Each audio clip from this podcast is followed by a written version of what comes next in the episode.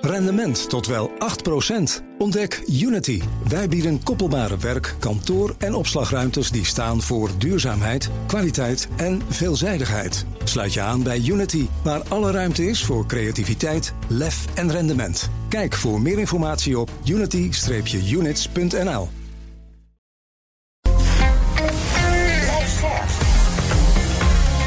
BNR Nieuwsradio. The Big Five. Diana Matroos. Nederland staat wereldwijd bekend als het gidsland voor water. Maar is dat nog terecht? Hoe goed hebben we onze eigen waterzaken op orde? Kan water de nieuwe stikstofcrisis worden? En hoe gezond of ongezond is ons water? Is er wel voldoende met de toenemende droogte? En hoe veilig zijn we bij overstromingen, zowel nationaal als internationaal? Deze week ga ik in gesprek met vijf kopstukken in BNR's Big Five van het water. En kijken we hoe we een watercrisis kunnen voorkomen. Vandaag een heel bijzondere gast uh, vanuit Studio Den Haag. Mark Harbers, de minister van Infrastructuur en Waterstaat. Fijn, ontzettend fijn dat u er bent. Welkom. Dank u, goedemorgen. Uh, ik ga het uiteraard uh, met u hebben over die Europese waterkaderrichtlijn. En of dat tot een nieuw stikstofdossier kan gaan leiden. Maar voordat we dat gaan doen, wil ik met een paar belangrijke dingen beginnen. En het eerste is natuurlijk het nieuws van gisteren, maar nog steeds heel erg belangrijk. Want u stelde het Amerikaanse chemieconcern 3M aansprakelijk voor PFAS-schade in de Zeeuwse Westerschelde. En toen dacht ik, dit is wel een hele erg belangrijke stap en ook een kentering. Is dat zo? Um, nou ja, ik ben in ieder geval blij ook dat het zo uh, gezien wordt. PFAS zijn schadelijke stoffen, ook heel moeilijk afbreekbaar. Dat weten we sinds een aantal jaar. Dat is een van de redenen dat we met een aantal andere Europese uh, landen ook inzetten op een verbod van uh, PFAS. En ook om dat te lozen. En we weten dat 3M in de buurt van Antwerpen te veel geloosd heeft. Ook meer dan ze van de, volgens de vergunning van de Belgische overheid mochten. Nou, de Vlaamse overheid heeft hen daar al eerder voor aansprakelijk gesteld. Voor ons was het een tikje ingewikkelder, want we zitten natuurlijk wat verder weg van de bron. Dus we moesten de schade goed in beeld brengen. En dat moeten we dan ook nog kunnen relateren aan de lozingen door, uh, door 3M. Maar we zagen genoeg aanleiding om dat, uh, om dat te doen. Want wij leiden ook op allerlei terreinen schade. Uh, ons ecosysteem, de natuur, het water zelf leidt schade. Maar Rijkswaterstaat maakt kosten om vervuild slip te moeten baggeren. En ook ondernemers in Zeeland. We hebben hen een tijdje teruggevraagd om zich te melden. Die, die leiden ook schade. Denk aan de vissers die in de Westerschelde vissen. ja, die leiden omzetverlies. -hmm. Um, en dat uh, is genoeg reden om 3M daarvoor aansprakelijk te stellen. De impact is groot, maar we weten natuurlijk dat het bedrijfsleven op meerdere punten gewoon echt wel een probleem vormt. Is dit ook een signaal voor het bedrijfsleven van de tijd van praten is voorbij? Ja, als je uh, dit soort uh, dingen loost, uh, dat kan niet ongebreideld. Dat moet binnen de normen. En die vergunningnormen die worden strenger en strenger en leidt uiteindelijk naar een verbod. Um, maar als je meer doet dan je vergunning toestaat, dat is sowieso niet toelaatbaar. En daar grijpen we dus op in. het zal nog best een hele, hele lange weg zijn. Hè, want nou ja, ongetwijfeld eindigt dit in de rechtszaak. En dan moet je ook aannemelijk maken dat die vervuiling ook daadwerkelijk de oorzaak is van de schade. Maar wij zien daar genoeg aanleiding voor. Ja. Uh, het tweede wat ik van uh, uh, u zou willen weten, en dat is denk ik misschien ook meteen relaterend naar wat u net benoemde. we zien dat er lef nodig is om nou ja, de waterkwaliteit en dat er voldoende water is. En überhaupt om het klimaatprobleem op te lossen, dat daar lef voor nodig is, ook vanuit de overheid. Dit is dan zo'n punt waar lef wordt getoond. En dat het ook bijvoorbeeld bij KLM met de vlucht, of met, met Schiphol, met de vluchten. En dan zie je toch meteen rechtszaken. In dit geval uh, ook. Is dit de impasse waar we in terecht zijn gekomen? Dat je dus wel dingen probeert uh, in versnelling te brengen, maar dat het meteen weer wordt, uh, wordt vastgezet? Nou, wat je ziet is dat de belangen natuurlijk uh, groot zijn. Um, maar we hebben een rechtsstaat niet, uh, niet voor niets. En dat betekent dat vergunningen ook op orde moeten zijn. Um, en ik denk ook wel, ik zie gelukkig ook heel veel bedrijven die dat ook gewoon heel serieus nemen. Die ook snappen dat je wat je pak een beetje 50 jaar geleden loosde, dat dat gewoon absoluut niet meer kan. Um, dus ja, het zou altijd beter zijn als dat niet in rechtszaak hoeft te eindigen. Het, zou, dit, het gaat overigens ook hier om overtredingen. Hè, dus overtredingen boven wat in de vergunning stond. Dat is iets anders dan, dan de vluchten natuurlijk. dat is iets anders dan zorgen dat het allemaal weer gaat kloppen. En dat we ook naar de toekomst toe een goede en veilige leefomgeving hebben. Um, ik, ik probeer die impasses te, door, te doorbreken. Ja, en bij water is het simpelweg ook zo. Het is letterlijk van levensbelang voor mensen. Dus die kwaliteit en, en de, de, ja, de vervuiling van het water, dat, dat moeten we aanpakken. Want anders hebben we onszelf ermee in de toekomst. Ik ben toch wel heel erg benieuwd uh, nou ja, hoe ver u zou willen gaan. En wat het spanningsveld daarin is. En dat gaan we vast en zeker wel tegenkomen in het komende uur. Maar toch even ook nog het, het besef. En misschien is dat belangrijk om eerst even vast te stellen. En dan moet ik toch denken aan Noord-Italië. En we staan hier in studio Den Haag. en dan komt altijd weer die bel. Die en dan verschrikkelijke toch, bel s ochtends. Ja. ja, en dan toch misschien even ja. voor de luisteraar toch nog even uitleggen. Wat gebeurt er nu allemaal hier? Ja, dit is, dit, is, dit is overigens wel grappig. Mensen die hier net werken denken dat het een brandalarm is. Precies, en staan met de jas in de hand klaar. Keer, dit s ochtends om tien over tien dan gaat die bel een minuut lang. En dat is het signaal voor iedereen in het gebouw dat de plenaire vergadering, dus vergadering in de grote vergaderzaal, over vijf minuten gaat beginnen. Het is ook het moment dat er minimaal 76 Kamerleden in huis moeten zijn. Want anders dan kan dat helemaal niet, want er moet wel een meerderheid aanwezig zijn.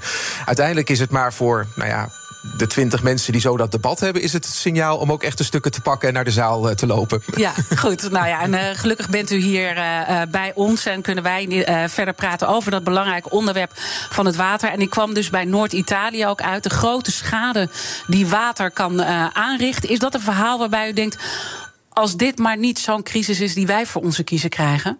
Nou ja, het vervelende is, wij hebben hem ook gehad. Hè, twee ja. jaar geleden overstromingen in Limburg. Zeker. Um, uh, Italië nu, um, maar ook recent, ook in, in uh, of ja, nu in Spanje ook uh, plensbuien. Meer regen in, in het dag gevallen dan in het afgelopen half jaar. Um, en dat wordt ook nog eens afgewisseld met perioden van grote droogte. Want diezelfde streken in Italië, vorig jaar zomer stonden daar de rivieren volledig, volledig droog. En je ziet daar dat het weer extremer wordt, ook door klimaatverandering. En dat we ons dus ook moeten voorbereiden op meer problemen met water dan die we in het verleden kenden. Dat was ook natuurlijk onze les van Limburg in 2021. Midden in de zomer.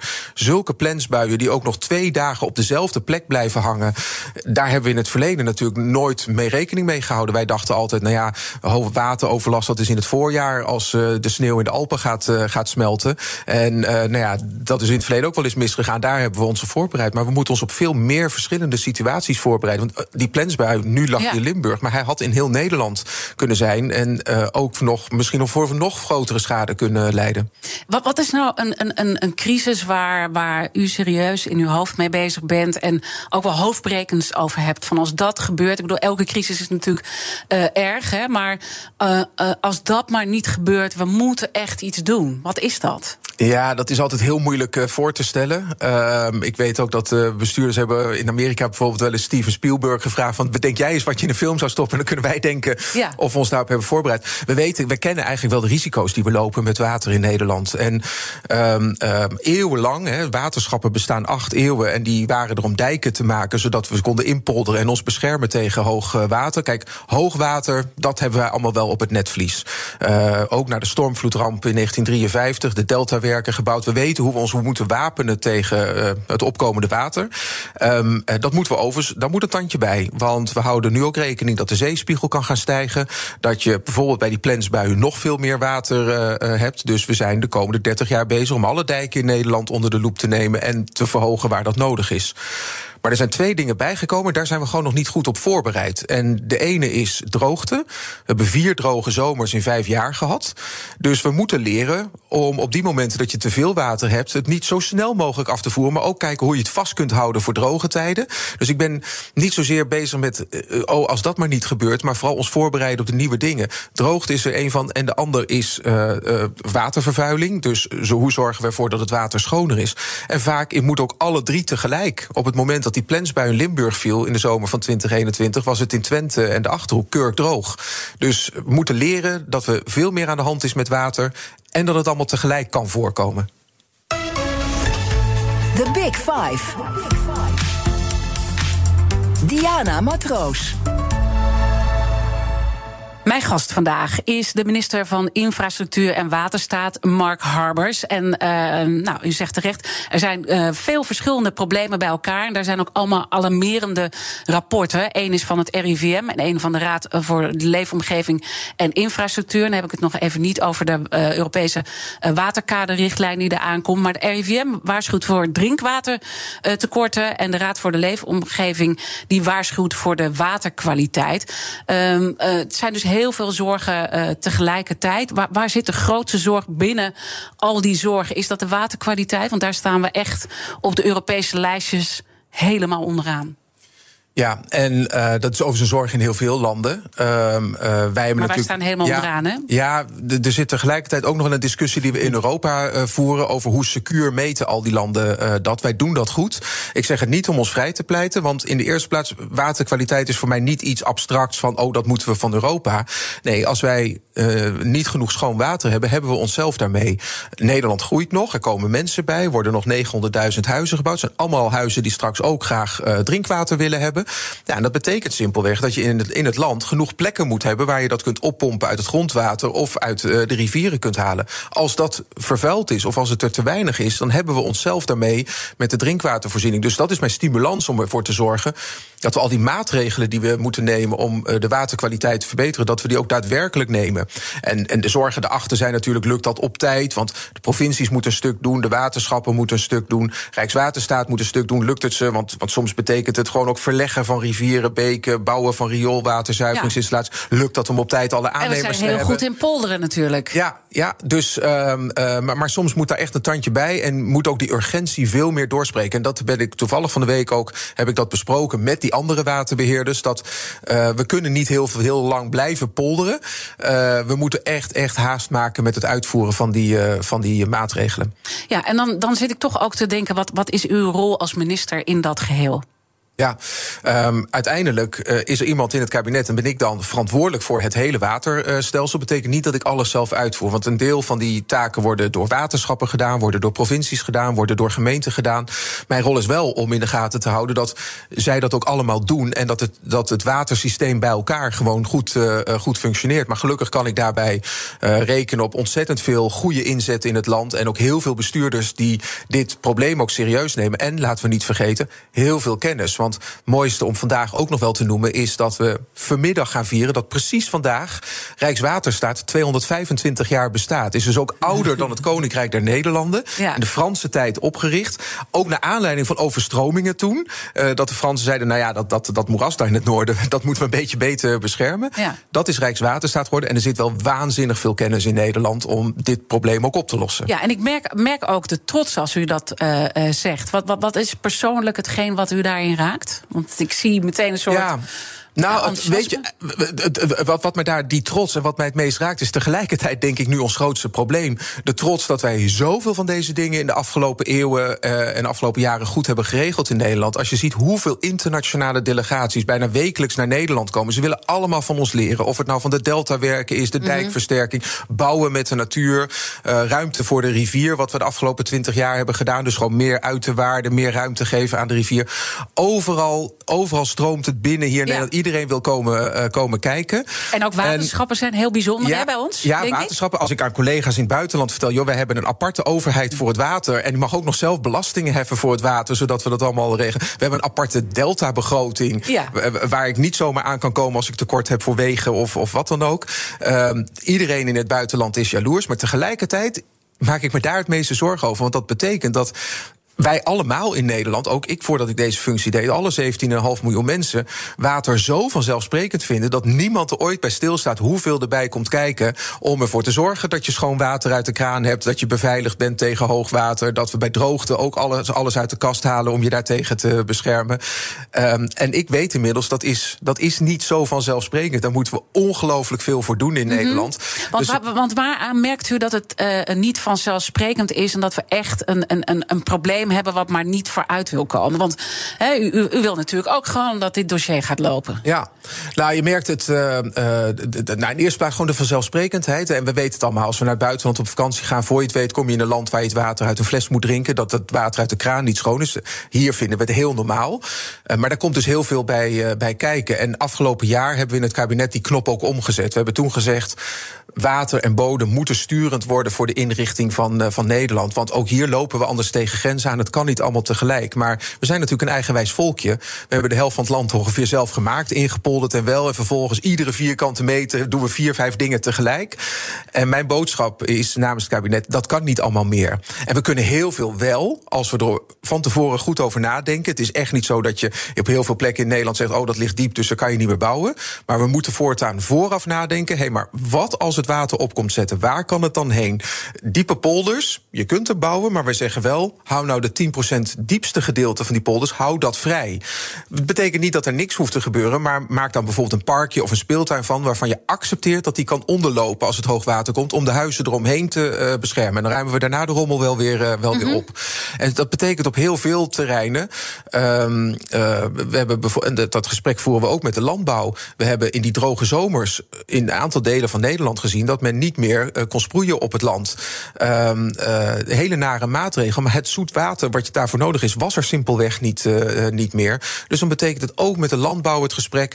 Waar kun je straks wel zoetwateraanvoer garanderen? Waar niet? Waar loont het de moeite om te kijken of je gewassen kunt gaan verbouwen die minder water ja. nodig hebben? Allemaal van dat soort dingen. Um, we weten ook, je kunt in het geval van nood ook nog wel drinkwater maken van zoutwater uit de zee. Dan moet je dan ontzilten. Ja. Maar het is ook niet iets dat je in heel Nederland kunt doen. Want het kost weer verschrikkelijk veel energie. Dus bewaar dat dan ook echt voor die plekken waar je echt geen alternatief ja. meer uh, hebt. En, en dit zijn natuurlijk ook allemaal prachtige dingen die uh, moeten gebeuren. Maar ik begon deze week met Wim Drossaert, de topman van drinkwaterbedrijf Dunea. En hij zei: er wordt gewoon heel veel gepraat door de overheid. En ook de landelijke overheid. Maar wanneer komt gewoon een keer die uitvoering van de grond? Ik als Dunea, en zo zijn mijn collega's praten er ook allemaal over, willen gewoon een vergunning om nog meer uh, waterzuivering te kunnen doen. Want we kunnen gewoon niet meer garanderen dat het water is. En ook het RIVM zegt die 2030, uh, we weten niet of we dan nog het drinkwater. Weet je, dat er gewoon. Je moet het er niet aan denken dat we straks de kraan open doen en drup, drup, drup. Dat is een beetje het, het, het ja. scenario wat voor ons ligt. Ja, en dat scenario, ik ben, dat wil ik dus voorkomen. Ja. En ik herken wel um, in de waterwereld. En, en dat is ook het woord polderen komt daar ook uh, vandaan. Dat is iets goeds geweest in Nederland. Want als je in een polder woonde, van, van rijk tot arm, iedereen moest helpen als het, uh, als het water opkwam. Uh, maakt onze samenleving ook een samenleving die met elkaar verbonden is. maar de negatieve klank van polder is, ja, dan praat je ook net zo lang met elkaar tot je iedereen tevreden hebt gesteld. En op een aantal van die, van die onderwerpen zullen we gewoon de knoop moeten ontwarren en zeggen: zo gaan we het doen. Dat kan nog steeds samen met, met iedereen die daar een belang bij heeft. Maar niet alles kan kan tegelijk. Um, en precies dat heb ik sinds mijn aantreden vorig jaar in beweging proberen te krijgen. En ik herken dat heel erg. We moeten een aantal maatregelen nemen. De drinkwaterbedrijven zeggen terecht: voor 2030 moeten we die knoop ontward hebben. Moeten we precies weten waar we dat drinkwater nog weer kunnen innemen of kunnen oppompen. Um, en dat werk ik nu ook met de drinkwaterbedrijven uh, uit. Mm -hmm, maar wanneer um, kunnen zij dan rekenen op die versnelde vergunningsprocedures? Hè? Want dit is natuurlijk niet alleen bij water een probleem. Ik bedoel, ik kan ook ja. niet meer op een conferentie staan of het gaat hier uiteindelijk ja. uh, over. Dus heel veel mooi beleid. Maar het gaat mis in de uitvoering. Nou, maar dan, dan verwachten we ook het verkeerde van de vergunningsprocedure. Want die vergunning die beschermt ons ook in de toekomst. Als je lukraak zegt, ik, ik geef een vergunning... maar vijf jaar later kom je weer elkaar tegen en zeg... ja, in dit gebied hadden we eigenlijk helemaal niet genoeg grondwater op om te pompen. De vergunning is er juist om te beschermen dat we in de toekomst genoeg water hebben. Waar het veel meer om gaat, is als het op een bepaalde plek gewoon niet gaat... omdat er we, gewoon verwachten dat er straks onvoldoende water is. Hoe snel komen we dan tot alternatieven? Heb je dan een andere plek waar dat drinkwaterbedrijf terecht kan? Of kun je dan zeggen, in die rivier kun je terecht, maar dan moeten we wel zorgen dat die waterkwaliteit uh, op orde is of dat er extra zuivering uh, gegarandeerd is. En daar wil ik wel versnelling in aanbrengen. Ja, want, want maar, en dan horen we vervolgens, ja, maar we hebben allemaal capaciteitsproblemen. Dus ik, ik ben gewoon zo benieuwd, want, want ik, ik zie ook goede intenties hier aan de overkant van mij. Maar hoe, hoe gaat het nou gewoon? Hoe gaan we dit regelen? Want uiteindelijk, uh, als we even teruggaan naar Nederland Waterland, waarvan nu bepaalde experts zeggen: joh, dat, dat, die titel die, die verdienen we eigenlijk helemaal niet meer. Want we zijn gewoon, ja, zeker over die waterkwaliteit. We zijn echt gewoon, we hebben te veel achterover uh, geleund. Hoe krijgen we nou weer in Nederland dat lef in dit verhaal? Ja, en zo, zo pessimistisch ben ik niet. Want als ik rondkijk in Nederland, de, we, hebben echt die deskundigheid. We hebben al die mensen die hier iedere dag aan werken. Het is ook niet zo dat er geen maatregelen worden genomen. Uh, in deze kabinetsperiode trekken we 800 miljoen extra uit voor de waterkwaliteit. Maar dat komt bovenop vele honderden miljoenen die we al hadden. Uh, hier gaat de uitvoering het verschil maken. En daar spreken we elkaar ook op aan. Ik spreek mm -hmm. dijkgraven bij waterschappen aan. Ik spreek gedeputeerden in provincies aan. Niet te lang dralen, echt vooruit het geld mm -hmm. is het probleem niet. Dat is er gewoon, uh, dat is er gewoon voor. Mm -hmm. um, en realiseer je dat je ook voor je inwoners een probleem hebt als we nu geen, uh, geen tempo maken. Maar tegelijkertijd maar kennis, horen we van alle belangrijke publieke instellingen ook in Nederland, dus weer het RIVM, die zegt dat de 2030 drinkwater, dat kunnen we niet garanderen. Uh, we maken ons daar echt zorgen over. Raad voor de Leefomgeving zegt: we gaan echt een probleem krijgen met die waterkwaliteit. Het gaat niet goed komen en we gaan die Europese waterkaderrichtlijn gaan we niet redden in 2027. Dus, dus ja, dit, dit is dan uh, het ene uh, wat ik hoor. En dan hoor ik u zeggen: ja, we gaan het echt doen. En... Nee, en het gaat, nee, maar laat ik realistisch zijn. Het gaat niet vanzelf. Deze twee rapporten. Ja. ik ben de instituut ook dankbaar dat ze dit zo indringend op papier hebben gezet. Want die helpen mij ook om uh, uh, met elkaar en ook anderen aan te spreken. Te zeggen: neem dit serieus, ga ermee aan de slag. Als dat abstract blijft, dan denkt iedereen: nou, het zal mijn tijd wel beduren. Maar ik tref gelukkig heel veel bestuurders aan die diezelfde urgentie uh, voelen. En die deze rapporten gelukkig ook niet negeren.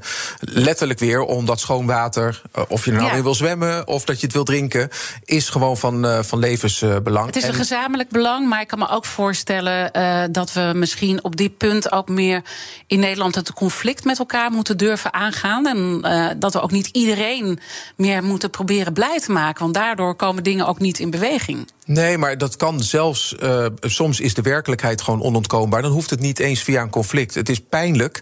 Maar als uh, er in een droge zomer niet genoeg water is, dan kan ik niet anders dan prioriteiten stellen. En dat snapt uiteindelijk ook iedereen. Ik heb ook met boeren gesproken die zeggen: ik, ik realiseer me wel dat ik in een stukje van het land zit waar waarschijnlijk gewoon in de zomer het heel vaak droog zal zijn. Dus ik ben aan het nadenken over iets anders. Um, soms is het ook gewoon monnikenwerk achter de schermen. Rijkswaterstaat is honderden lozingsvergunningen die in het verleden zijn afgegeven voor het lozen van afvalwater. Weer onder de loep aan het nemen. Voldoen ze nog aan de normen? Gaat dit nog? Ja, dat betekent in heel veel gevallen dat die bedrijven te horen krijgen: je loost nu stof A, B of C. En dat kan niet meer. En daar gaan we een eind aan, uh, aan maken. Uh, het is namelijk ook niet zo, want ik hoor heel veel mensen zeggen: ja, maar wij kunnen die waterkwaliteit niet verbeteren, want wij zijn het putje van Europa. Hè, dat water dat ja. komt over de Rijn en de Maas naar ons ja, toe. Ja, we kunnen er helemaal niks klopt, aan doen. Klopt, de buurlanden hebben ook heel veel ja. werk te doen.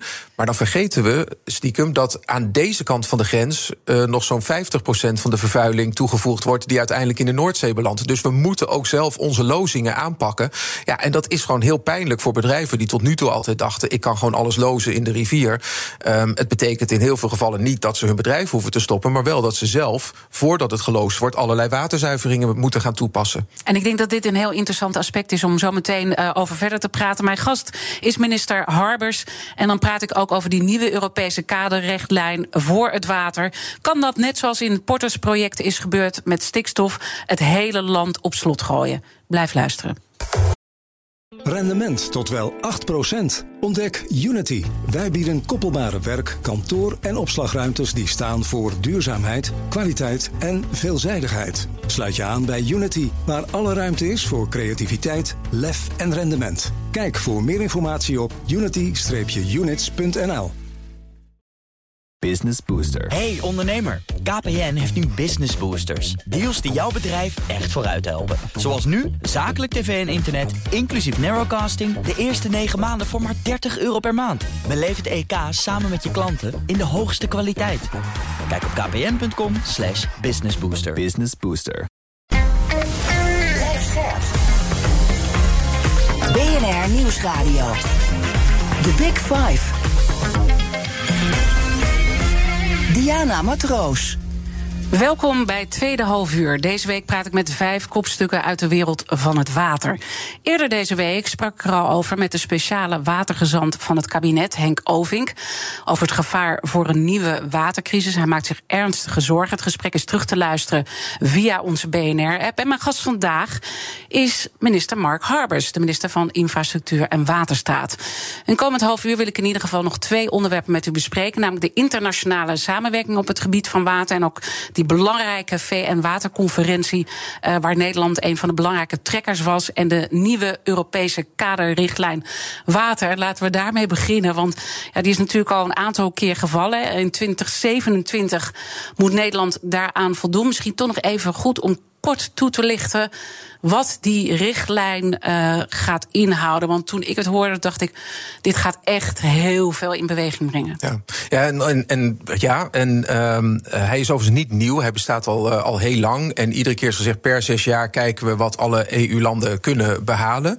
Uh, nu zitten we in een soort van laatste periode tot aan 2027, waarin de lidstaten ook gewoon echt die waterkwaliteit op orde moeten hebben. Um, en dat is simpelweg wat die, wat die richtlijn zegt. Dus geen vervuilende stoffen of niet te veel vervuilende stoffen in het water. Zorgen ook dat het leven in het water, uh, dat, dat de natuur in het water, waterplanten, vissen, dat, die, uh, dat het daarvoor goed geregeld is. Want dat is weer belangrijk voor het hele ecosysteem. Um, en ook voor het verminderen van vervuiling in de, in de toekomst. Maar in de praktijk komt het gewoon neer op minder vuil erin, minder lozen. zorgen dat het water schoon en, en lekker helder wordt. Ja, en daar is de voorzitter van de Raad van de Leefomgeving dan ook heel kritisch. Hè, want dat gaat dan over onze waterkwaliteit. Uh, nou, ik denk dat we niet meer ter discussie hoeven stellen dat het gewoon niet goed gaat, toch? Met die kwaliteit.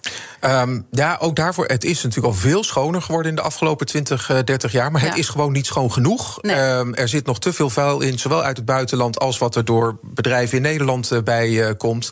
Um, maar soms ook omdat we de natuur onvoldoende zijn gang hebben laten gaan. Een van de belangrijke maatregelen is bijvoorbeeld ook dat beken die we in het verleden helemaal strak getrokken hebben, mm -hmm. um, dat we ons best doen om die weer een beetje te laten kronkelen door het landschap, zoals ze historisch liepen. Want dat is ook weer goed voor het leven in dat water ja. uh, en het verbeteren van de waterkwaliteit. Maar toch zegt dan die Raad voor de Leefomgeving, die zegt uh, dat komt allemaal door een falende aanpak aan verschillende factoren. Gebrek aan urgentiebesef. Nou, volgens mij hebben we daar ook wel een beetje over uh, gehad. Een te grote verblijvendheid rondom de inzet van beschikbare beleidsinstrumenten en een gebrekkige invulling en uitvoering van taken en verantwoordelijkheden. En dan denk ik dat is toch een beetje ook een tik, uh, nou ja, en, en, geeft aan, ik ben ook blij met het rapport, want daarmee heb ik ook iets in handen. Maar het is toch ook een tik op de vingers van het ministerie, lijkt mij.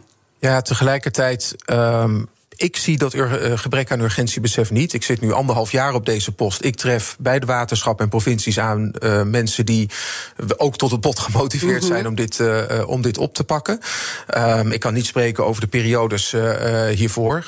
feit is wel dat ik vooral redeneer: dit is een, een probleem in onze omgeving wat we nog kunnen aanpakken op tijd. Maar dan moeten we wel tot het uiterste gaan de komende jaren om ervoor te zorgen dat we dat ook voor elkaar krijgen. We hebben veel andere milieuproblemen gehad waar het te ver is gekomen komen. Um, en uh, ik wil mijn best doen om te voorkomen dat dit uh, te ver mm -hmm. raakt en dat we de doelen niet, uh, niet gaan halen. En daarom zegt u ook, we moeten strenger worden voor het bedrijfsleven. Want daar we eigenlijk net aan het einde van het eerste half uur aanbeland bij dat onderwerp. Dan heb je natuurlijk verschillende dingen die er gebeuren. We hebben in ieder geval gezien bij 3M, dat Amerikaanse chemiebedrijf, nou, die heeft via de landsadvocaat, heeft u die aansprakelijk gesteld voor de geleden schade. Maar wat voor meer zaken kan het bedrijfsleven verwachten waaruit ook blijkt het gaat echt strenger worden. Ja, het, nou, sowieso is het uh, gewoon goed te bovenop zitten dat men zich aan de regels houdt. Uh, dat men niet buiten vergunningen uh, illegale dingen doet. Um, maar in de kern is, ja, als je de waterkwaliteit wil verbeteren, dan kom je in hoofdzaak op vier, vier dingen. Um, het is lozingen vanuit het bedrijfsleven aanpakken. Zorgen dat wat er geloosd wordt steeds schoner wordt.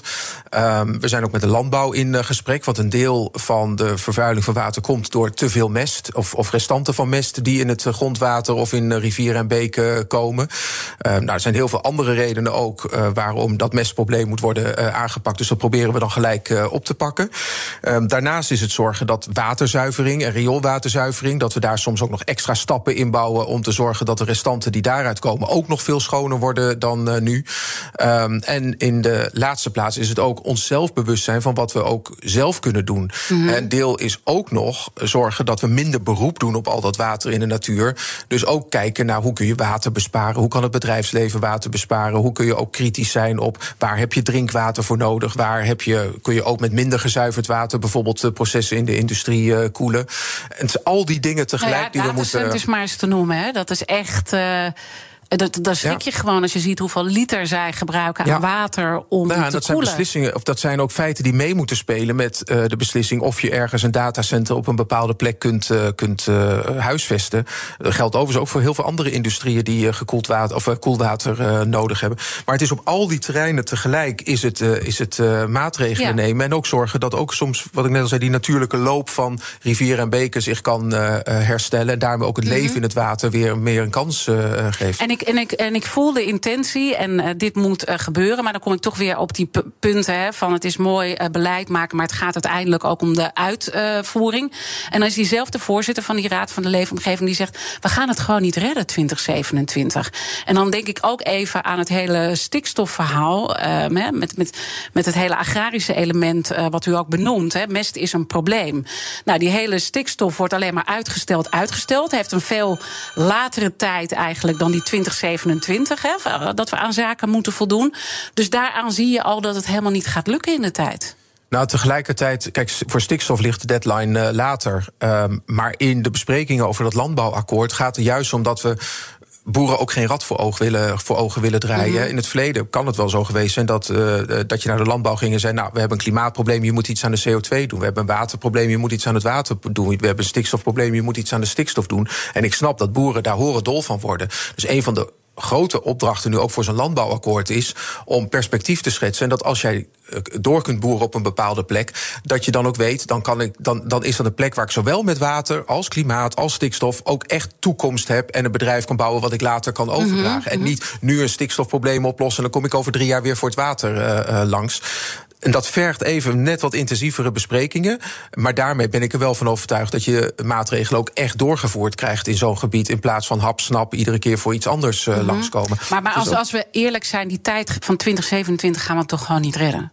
Eh, ik heb die conclusie heb ik mhm. vorig jaar al getrokken dat er een tandje bij moet. En precies daarom heb ik toen ook gezegd: um, ik ga een impulsprogramma starten voor die kaderrichtlijn water. We hebben al heel veel maatregelen, mhm. maar we moeten twee dingen beter doen. We moeten van elkaar precies weten of iemand ergens van de rails loopt bij de uitvoering daarvan. Want dan kan misschien een andere overheid nog bijspringen en zeggen: Nou, maar dan kan ik je wel helpen in dat uh, gebied. Kijk, er kunnen heel veel praktische redenen zijn waardoor het niet op tijd klaar is. Een aannemer uh, kun je niet vinden. Of als je een rivier wil omleggen, heb je een bulldozer nodig. En dat bouwmateriaal is er niet.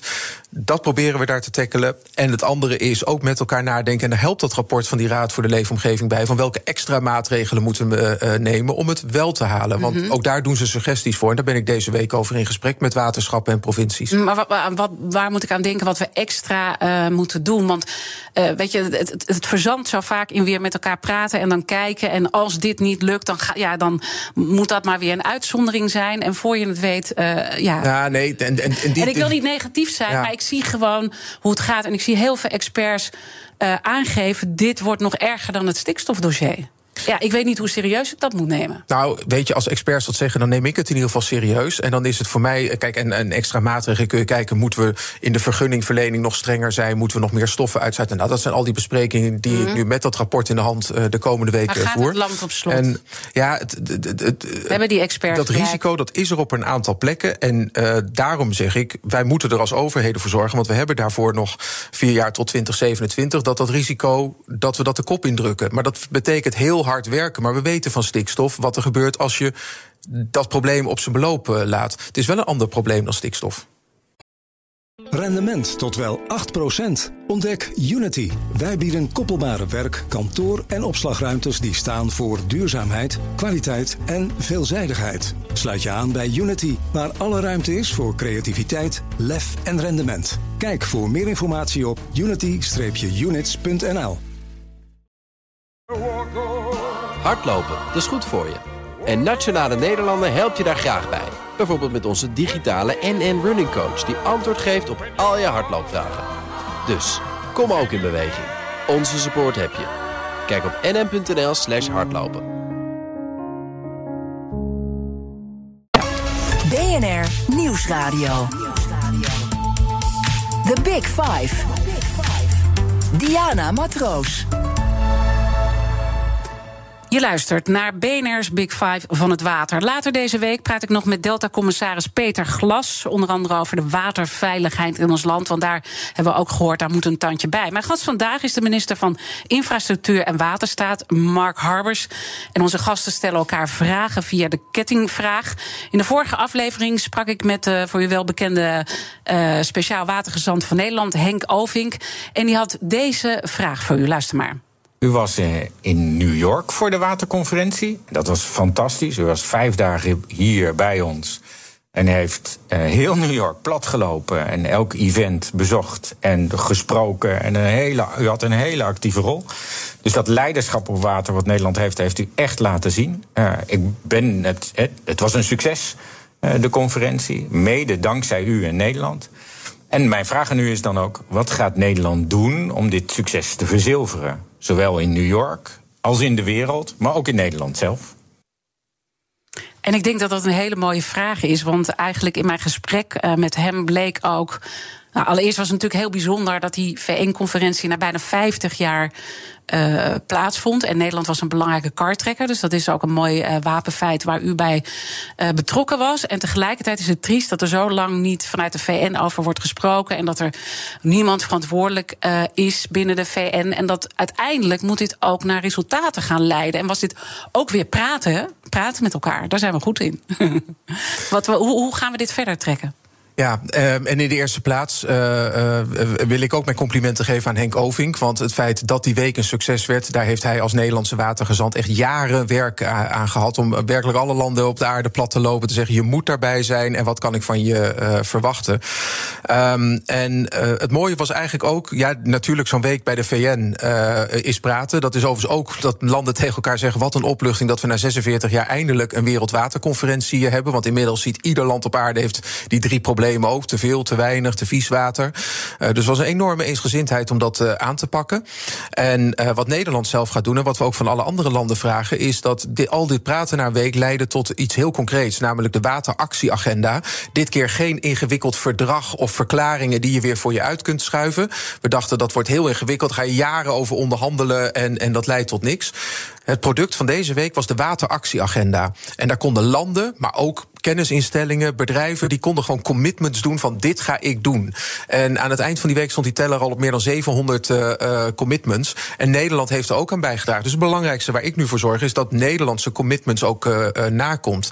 we hebben bijvoorbeeld een nieuw um, een nieuw instituut opgericht voor landen die delta's of kusten hebben. En ook mm -hmm. kleine eilanden. Want we hebben natuurlijk ook nog zes eilanden in het Caribisch gebied die ook ja. grote uitdagingen hier Zou, hebben. Wou ik, wou ik zeggen, en ja. dat gaat van groot tot klein, van India tot aan uh, Bonaire.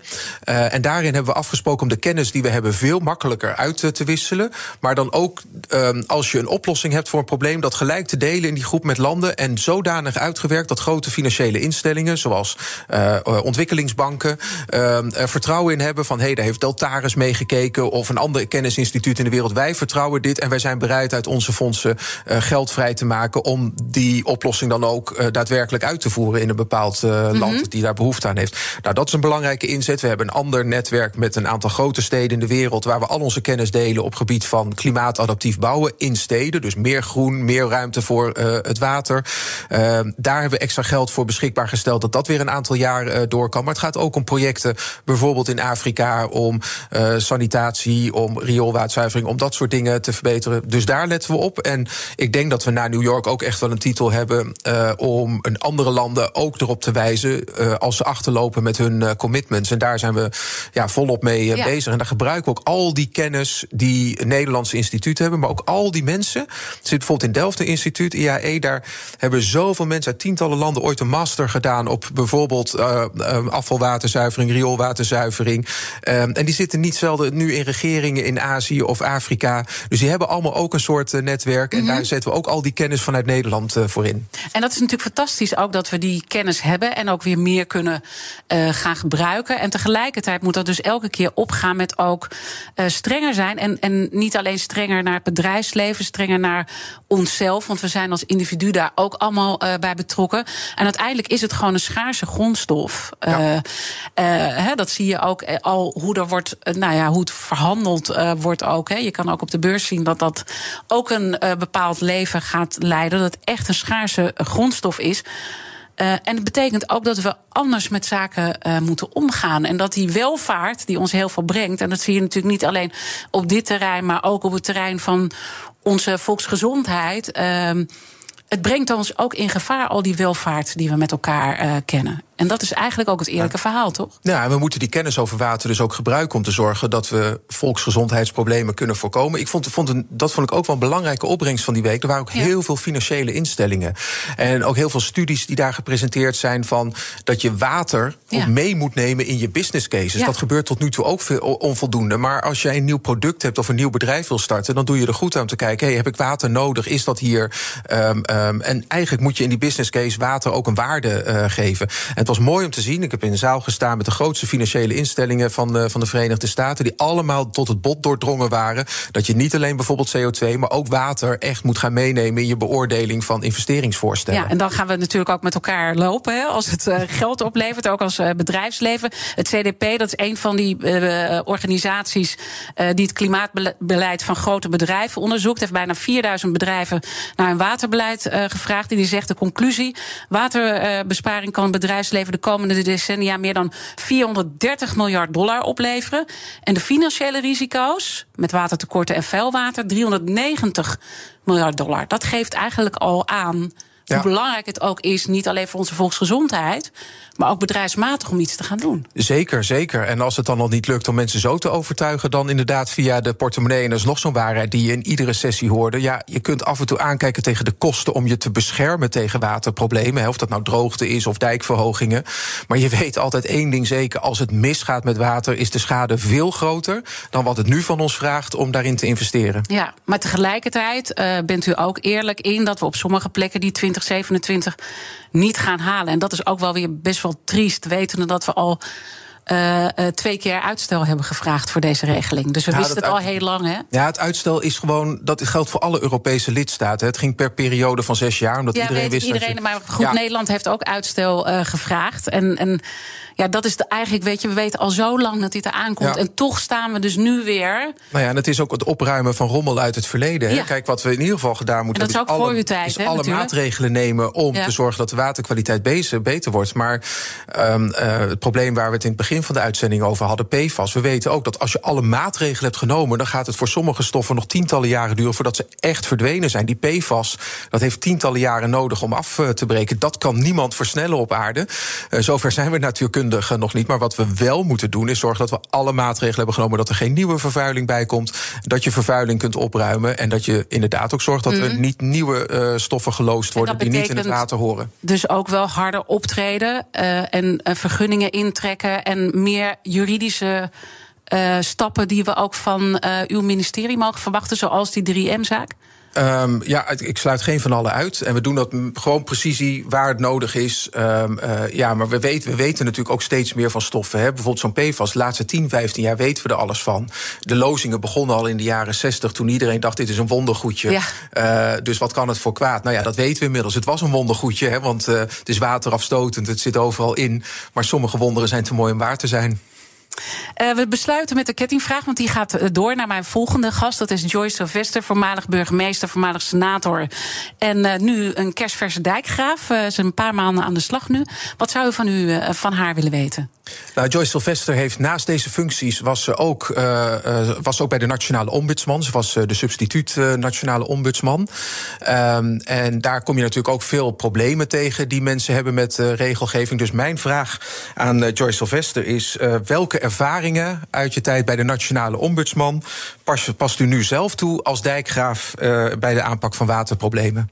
Mooie vraag, die ga ik haar zeker stellen.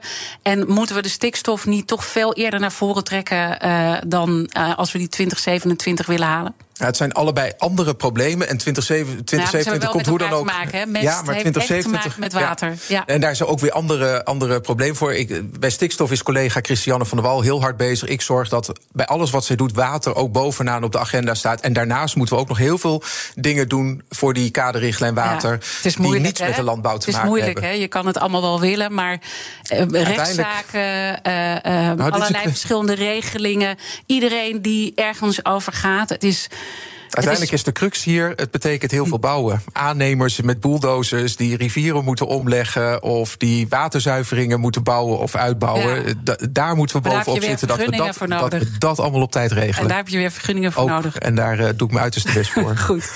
Eh, we gaan de complexe weg eh, blijven volgen. En dank dat u uw tijd, uw kostbare tijd wilde vrijmaken voor de Big Five. Minister Mark Harbers. En natuurlijk zijn alle afleveringen van de Big Five terug te luisteren. Abonneer je op onze podcast via onze app of je favoriete podcastkanaal. Maar het allerbelangrijkste, blijf live. Zometeen Iwan Frips met BNR Breekt. Ik wens je een mooie dag. Rendement tot wel 8%. Ontdek Unity. Wij bieden koppelbare werk, kantoor en opslagruimtes die staan voor duurzaamheid, kwaliteit en veelzijdigheid. Sluit je aan bij Unity, waar alle ruimte is voor creativiteit, lef en rendement. Kijk voor meer informatie op unity-units.nl.